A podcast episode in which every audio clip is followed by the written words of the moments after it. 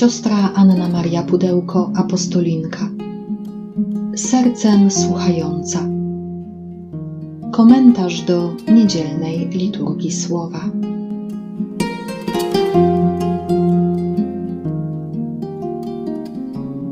Z Ewangelii według świętego Marka.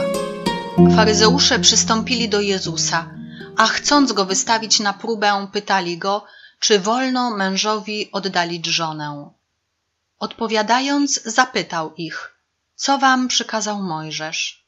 Oni rzekli, Mojżesz pozwolił napisać list rozwodowy i oddalić.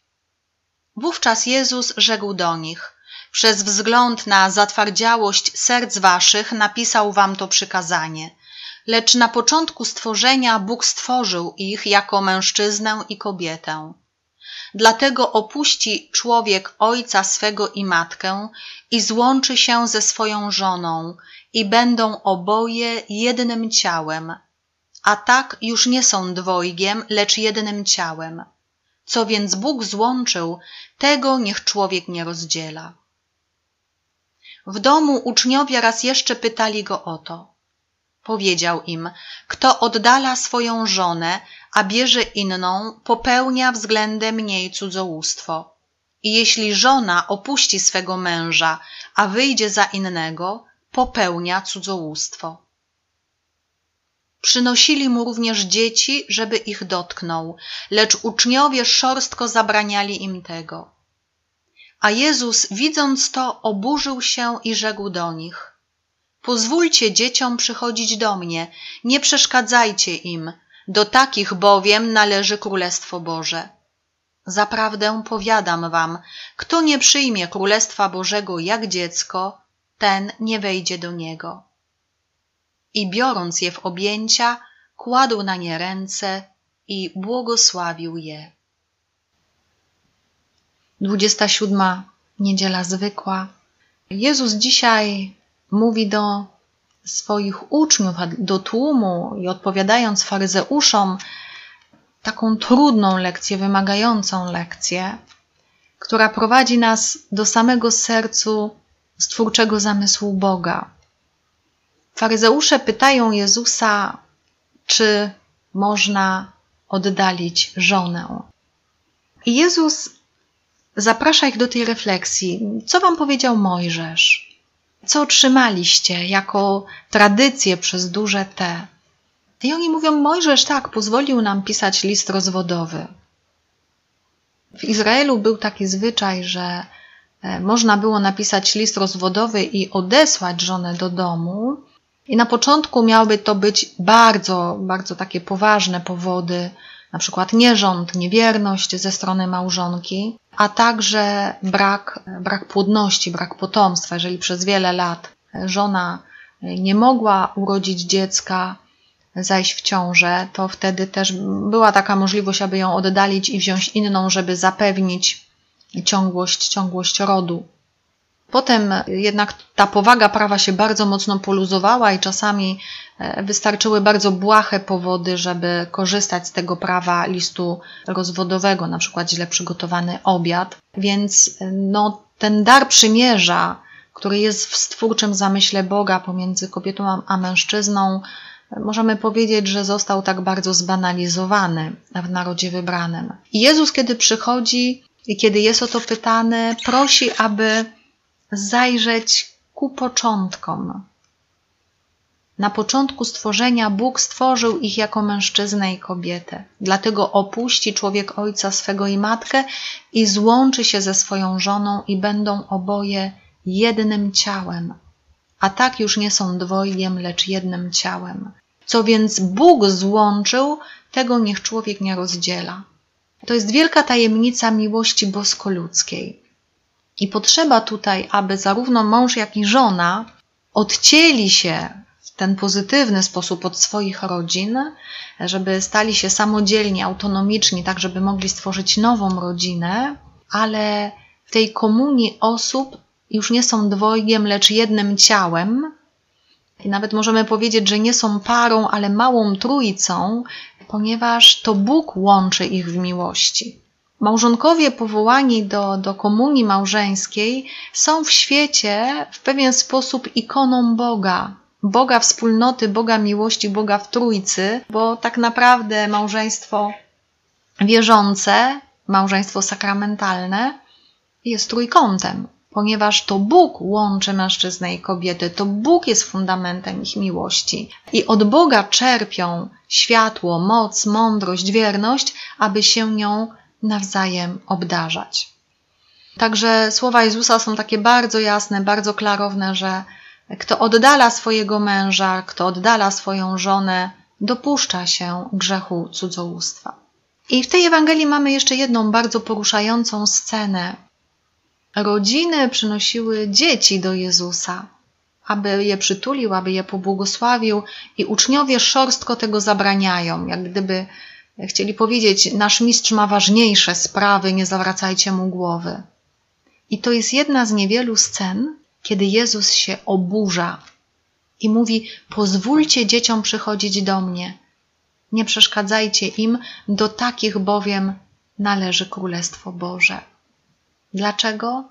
Bo dziecko potrafi przyjmować, bo dziecko ufa, e, bo dziecko wypowiada swoje potrzeby, bo dziecko jest proste i przejrzyste. Dlatego Jezus mówi nam: Kto nie przyjmie Królestwa Bożego, czyli mojej miłości, mojej obecności jak dziecko, nie wejdzie do niego. Bo z Bogiem nie możemy pertraktować, nie możemy kupczyć. To już nie będzie relacja miłości.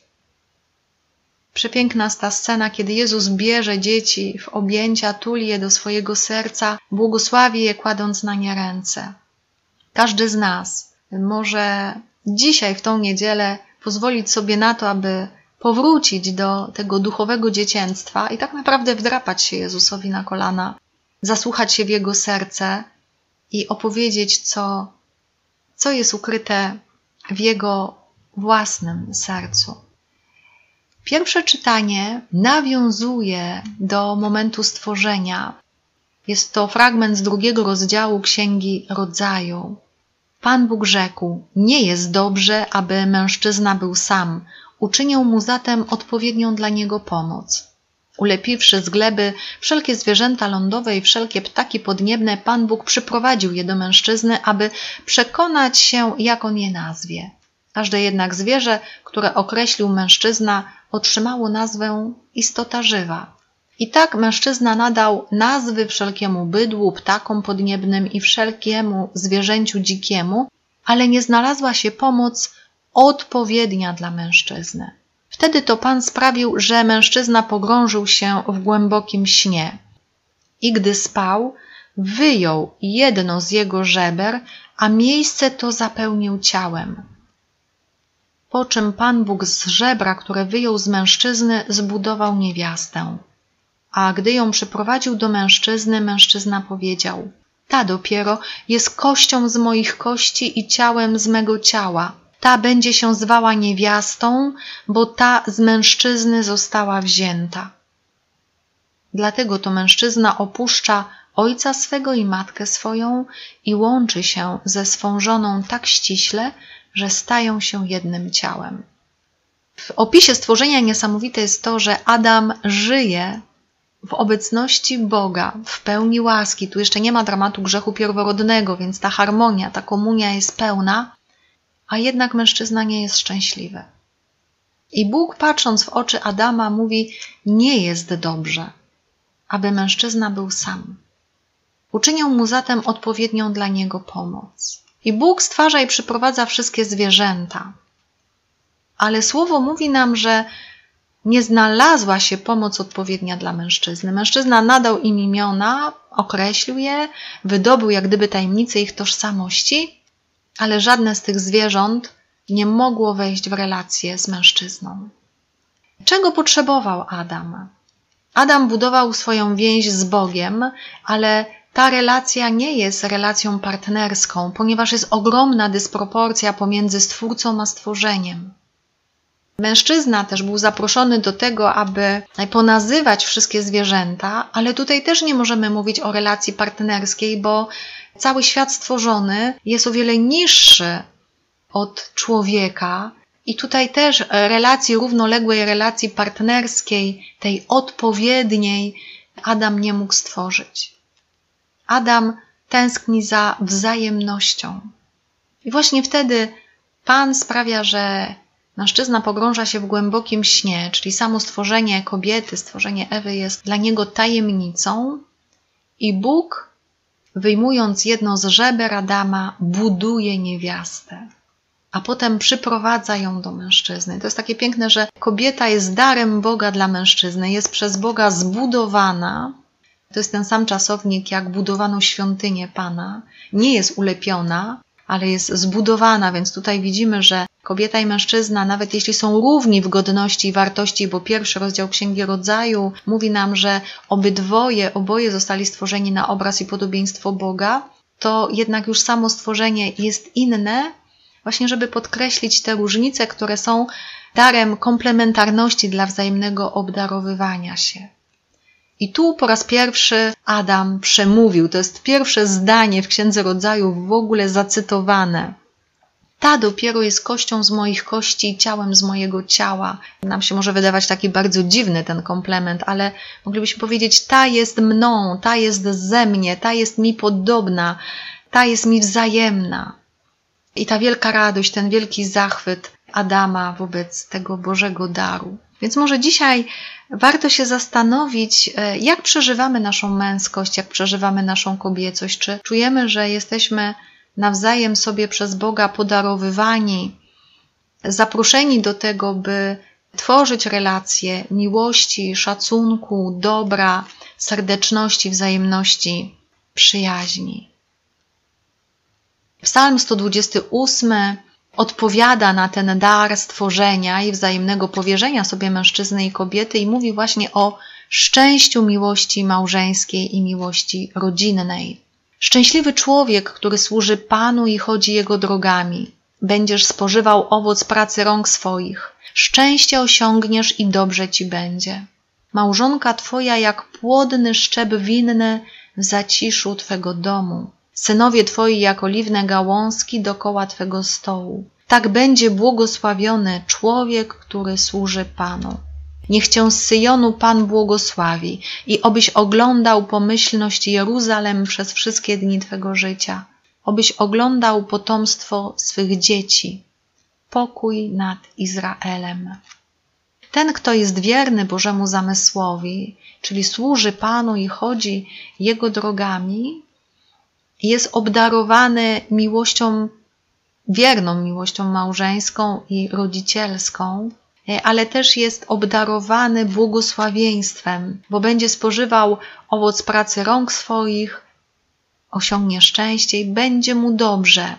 Co więcej, psalmista życzy temu człowiekowi wiernemu Bożemu zamysłowi, aby oglądał potomstwo swych dzieci, aby cieszył się właśnie tą radością życia, które jest przekazywane z pokolenia na pokolenie.